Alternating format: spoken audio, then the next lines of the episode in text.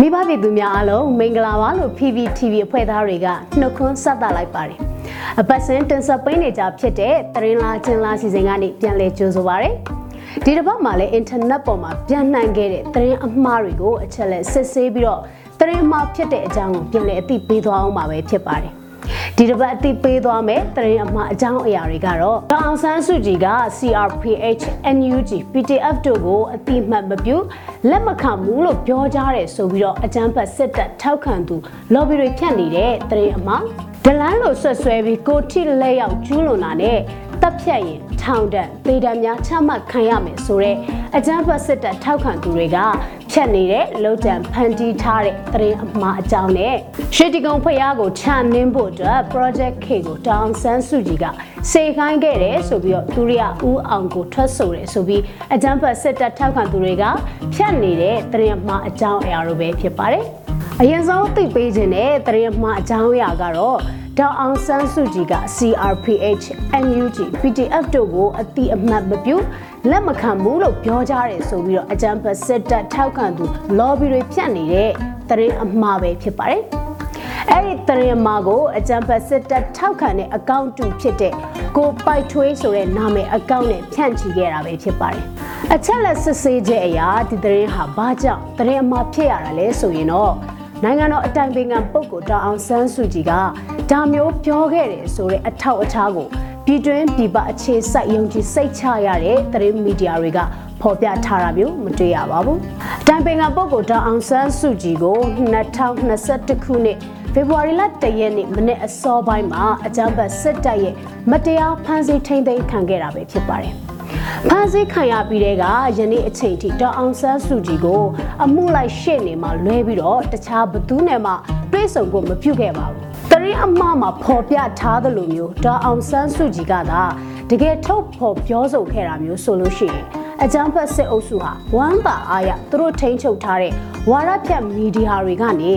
ဥဥဖြားဖြားထုတ်ပြန်ပြီးတော့ဝါရဖြတ်မှာပဲဖြစ်ပါတယ်။ဖြန့်ခဲ့တဲ့သတင်းမှားတွေမှာဆိုရင်တိကျခိုင်မာတဲ့သတင်းအရင်းမြစ်တွေလည်းမပါဝင်ပဲအရက်ထဲမှာပြောတဲ့စကားမျိုးတွေနဲ့လောက်တံဖန်တီးထားမှန်းသိတာစေပါတယ်။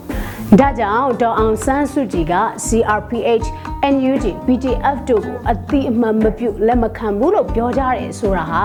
အကြံဖတ်စစ်တပ်ထောက်ခံသူတွေမရှက်မကြောက်ပဲဝါရဖြတ်နေတဲ့ရုပ်တိမရှိတဲ့သတင်းအမှားတစ်ခုဖြစ်တယ်ဆိုတာကိုအသိပေးချင်ပါတယ်နောက်ထပ်သိပေးခြင်းတဲ့သတင်းမှားကြောင်းရာတစ်ခုကတော့ဒလန်လို့ဆွတ်ဆွဲပြီးကိုထိလက်ရောက်ကျူးလွန်တာနဲ့တပ်ဖြတ်ရင် ထောင်ဒဏ်တေတံများချမှတ်ခံရမယ်ဆိုတဲ့အကြံပတ်စစ်တပ်ထောက်ခံသူတွေကဖြတ်နေတဲ့လောက်ကျန်ဖန်တီးထားတဲ့သတင်းအမှားအကြောင်းပဲဖြစ်ပါတယ်။အဲ့ဒီသတင်းကိုလည်းအကြံဖက်စစ်တပ် lobby တွေဟာဖြန့်ဝေခဲ့တာဖြစ်ပြီးတော့ရေးသားဖြန့်ဝေခဲ့ကြတဲ့သတင်းအမှားတွေမှာဆိုရင်ကိုကိုဒလန်ဟုဆွဆွဲသည့် post တွေလေ post တင်သူအကောင့်နဲ့တင်ထားသည့် post ကို screenshot ရိုက်ထားပါနေထိုင်ရလိပ်စာသိပါကပိုကောင်းသည်ဒလန်လို့ဆွဆွဲရင်ထောင်ဒဏ်2နှစ် ကိုထိလက်ရောက်ကျူးလွန်ပါကထောင်ဒဏ်နှစ်20ဒလန်ဆိုပြီးပြည်သူတဦးတယောက်ကိုတပ်ဖြတ်ပါကပါဝင်ပတ်သက်သူအလုံးကိုစစ်ခုံရုံးဖွဲ့၍ဒေတန်စီရင်ချက်ချမှတ်မည်ဖြစ်သည် MWD News လို့သတင်းအမှားကိုရေးသားထားပါတယ်။ဒီအကြောင်းအရာကိုအချက်လက်စစ်ဆေးကြည့်လိုက်တဲ့အခါမှာတော့ဆီယနာရှင်ဒေါ်လှန်ရေးလုပ်နေတဲ့ပြည်သူတွေကို ကြောက်ရွံ့စေဖို့အတွက်ရည်ရွယ်ပြီးတော့ရုပ်တည်မရှိတဲ့အကြောင်းအရာတွေကိုရေးသားဖြန့်ဖြူးထားတဲ့သတင်းအမှားဖြစ်တယ်ဆိုတာကိုတွေ့ရှိရပါတယ်။ဘာလို့တရင်အမားလို့ပြောနိုင်တာလဲဆိုရင်စစ်ကောင်စီဟာဆီယနာသိမ့်ဖို့စ조사ခဲ့တဲ့2021ခုနှစ်ဖေဖော်ဝါရီလတရက်နေ့ကစပြီးတော့ဆီအာနာရှင်စန့်ကျင်လှုပ်ရှားသူတွေငင်းကြောစွာဆန္ဒပြတဲ့သူတွေကိုအကြမ်းဖက်ပြီးဖမ်းဆီးတပ်ဖြတ်ထောင်ချနေတာအခုထိပဲဖြစ်ပါတယ်။အပြစ်မရှိတဲ့လေးနှစ်သားကလေးကစပြီးတော့ အသက်အရွယ်မရွေးအကြမ်းဖက်စစ်တပ်ကိုစန့်ကျင်ရင်ဖမ်းဆီးထောင်ချတပ်ဖြတ်နေတာလည်းဖြစ်ပါတယ်။ဒါကြောင့်အကြံဖက်စစ်တပ်အပိထောက်ခံတဲ့သူတွေဖြတ်နေကြတယ်။ဒလန်လို့ဆွဆွဲပြီးကိုထီလက်ရောက်ကျူးလွန်တာနဲ့တပ်ဖြတ်ရင်ထောင်တက်ဗေဒများချမှတ်ခံရမယ်ဆိုတဲ့အကြောင်းအရာကဆီယနာရှင်စက်တင်တဲ့ပြည်သူလူထုကိုချင်းချောက်ဆွေဖို့ရည်ရွယ်ပြီးဖြတ်နေတဲ့တရင်အတုတရင်အမှားဖြစ်တယ်ဆိုတာကိုအသိပေးခြင်းပါတယ်။ နောက်ဆုံးအနေနဲ့ပြောပြခြင်းတဲ့သတင်းအမှားအကြောင်းအရာကတော့ရွှေတိကုံဖျားကိုချနင်းဖို့အတွက် project ခေကိုတာအောင်ဆန်းစုကြည်ကစေခိုင်းခဲ့တယ်ဆိုပြီးတော့သူရအောင်ကိုထွက်ဆိုတယ်ဆိုပြီးအကြံဖက်စစ်တပ်ထောက်ခံသူတွေကဖြတ်နေတဲ့သတင်းအမှားအကြောင်းအရာပဲဖြစ်ပါတယ်။အဲ့ဒီသတင်းကိုလည်းအကြံဖက်စစ်တပ်ထောက်ခံသူတွေကဖြတ်နေကြတာဖြစ်ပြီးတော့ဖြန့်ဝေခဲ့တဲ့သတင်းအမှားအကြောင်းအရာကတော့တာဝန်ဖြောက်ချက်ရွှေတိကုံဖျားချနင်းဖို့တော်စုစေခိုင်းခဲ့ တာဝန်ထွက်ဆိုပြီး2020ခုနှစ်ကမတော်တဆဖြစ်ပွားခဲ့တဲ့ project ကေအကအဖွဲ့ရဲ့ကိုရီးယားနိုင်ငံမှာတင်ဆက်ဖျော်ဖြေမှုဟာရှီတကုံဖျားပုံရိပ်ပါဝင်ခဲ့တာကဒေါအောင်ဆန်းစုကြည်ကရရရာခြေဖို့အတွက် စေခိုင်းခဲ့တာလို့သူရအောင်ကိုကထွက်ဆိုခဲ့ပြီးစုငွေအဖြစ်သိန်းတစ်ထောင်ပေးခဲ့တယ်ဆိုပြီးလောက်ကျန်ဇလန်းတွေနဲ့အတူရေးသားဖြန့်ဖြူးခဲ့တာပဲဖြစ်ပါတယ်ဒီအကြောင်းအရာကိုဂျင်းသတင်းလို့ပြောနိုင်တာကတော့ဒီသတင်းကိုဖြန့်ခဲ့တဲ့မူရင်းအကောင့်ကိုမတွေ့ရဘဲနဲ့ creator ဆိုပြီးထပ်ဆင့်ဖြန့်ဖြူးခဲ့ကြတာကိုတွေ့ရပါတယ် မြည်သူမြည်ဝါဖော်ပြနိုင်ခြင်းမရှိပဲဖြန့်ခဲ့တဲ့အကြောင်းအရာဟာ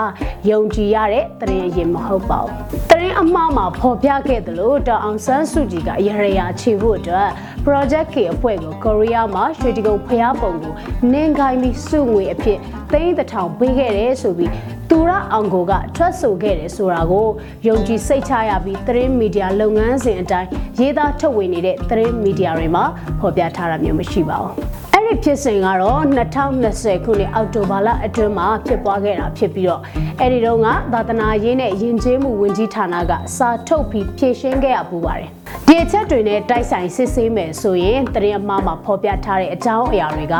ခိုင်လုံတဲ့အထောက်အထားမရှိဘဲနဲ့ဘာသာရေးကိုအကြောင်းပြုပြီးတော့တောင်ဆန်းစုကြည်ကိုတိုက်ခိုက်ထားတဲ့လောက်ကျန်ရေးသားတရင်အတူဖြစ်တဲ့အကြောင်းသိတာထင်ရှားပါတယ်။ ဒါကြောင့်လူမှုမီဒီယာတွေပေါ်မှာပြန့်နှံ့ခဲ့တဲ့ရွှေတကုံဖျားကိုချနင်းဖို့အတွက် project K ကိုတောင်အောင်ဆန်းစုကြည်ကစေခိုင်းခဲ့တယ်လို့သူရအောင်ကိုထွက်ဆိုတယ်ဆိုပြီးဖြန့်နေတဲ့သတင်းကလောက်ကျန်ရေးသားဖန်တီးထားတဲ့သတင်းအမှားဖြစ်တဲ့အကြောင်းကိုအသိပေးကြပါမယ်။အင်တာနက်အသုံးပြုသူတွေအနေနဲ့အခုလိုမျိုးဘာသာရေးလူမှုရေးနဲ့ပတ်သက်ပြီးတော့ ထိခိုက်လွယ်တဲ့သတင်းမျိုးကိုတွေ့မယ်ဆိုရင်အရင်ဆုံးယုံကြည်စိတ်ချရတဲ့သတင်းအရင်းအမြစ်ကထုတ်ဝေတာဟုတ်မဟုတ်နဲ့တခြားသတင်းမီဒီယာလုပ်ငန်းစဉ်အတိုင်းရေးသားထုတ်ဝေနေတဲ့သတင်းဌာနတွေမှာဖော်ပြထားခြင်းရှိမရှိကိုအရင်ဆုံးတိုက်ဆိုင်စစ်ဆေးပြီးမှယုံကြည်ကြဖို့ကိုတိုက်တွန်းရင်းနဲ့ဒီတစ်ပတ်တက်သတင်းလားချင်းလားစီစဉ်ကိုတော့ဒီမှာပဲရန်နာခွင့်ပြုပါမိဘပြည်သူများအားလုံးဘေးရန်ကင်းကွာပြီးတော့ကရင်မှားအန်တီတွေကနေလွတ်ကင်းကြပါစေလို့ဆုမွန်ကောင်းတောင်းပေးလိုက်ရပါတယ်ရှင်။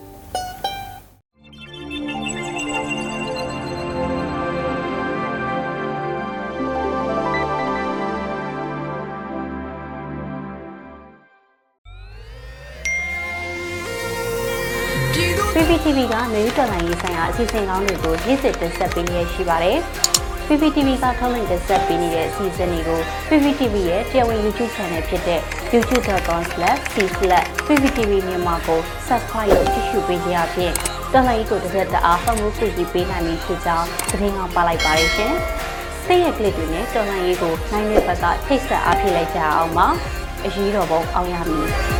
။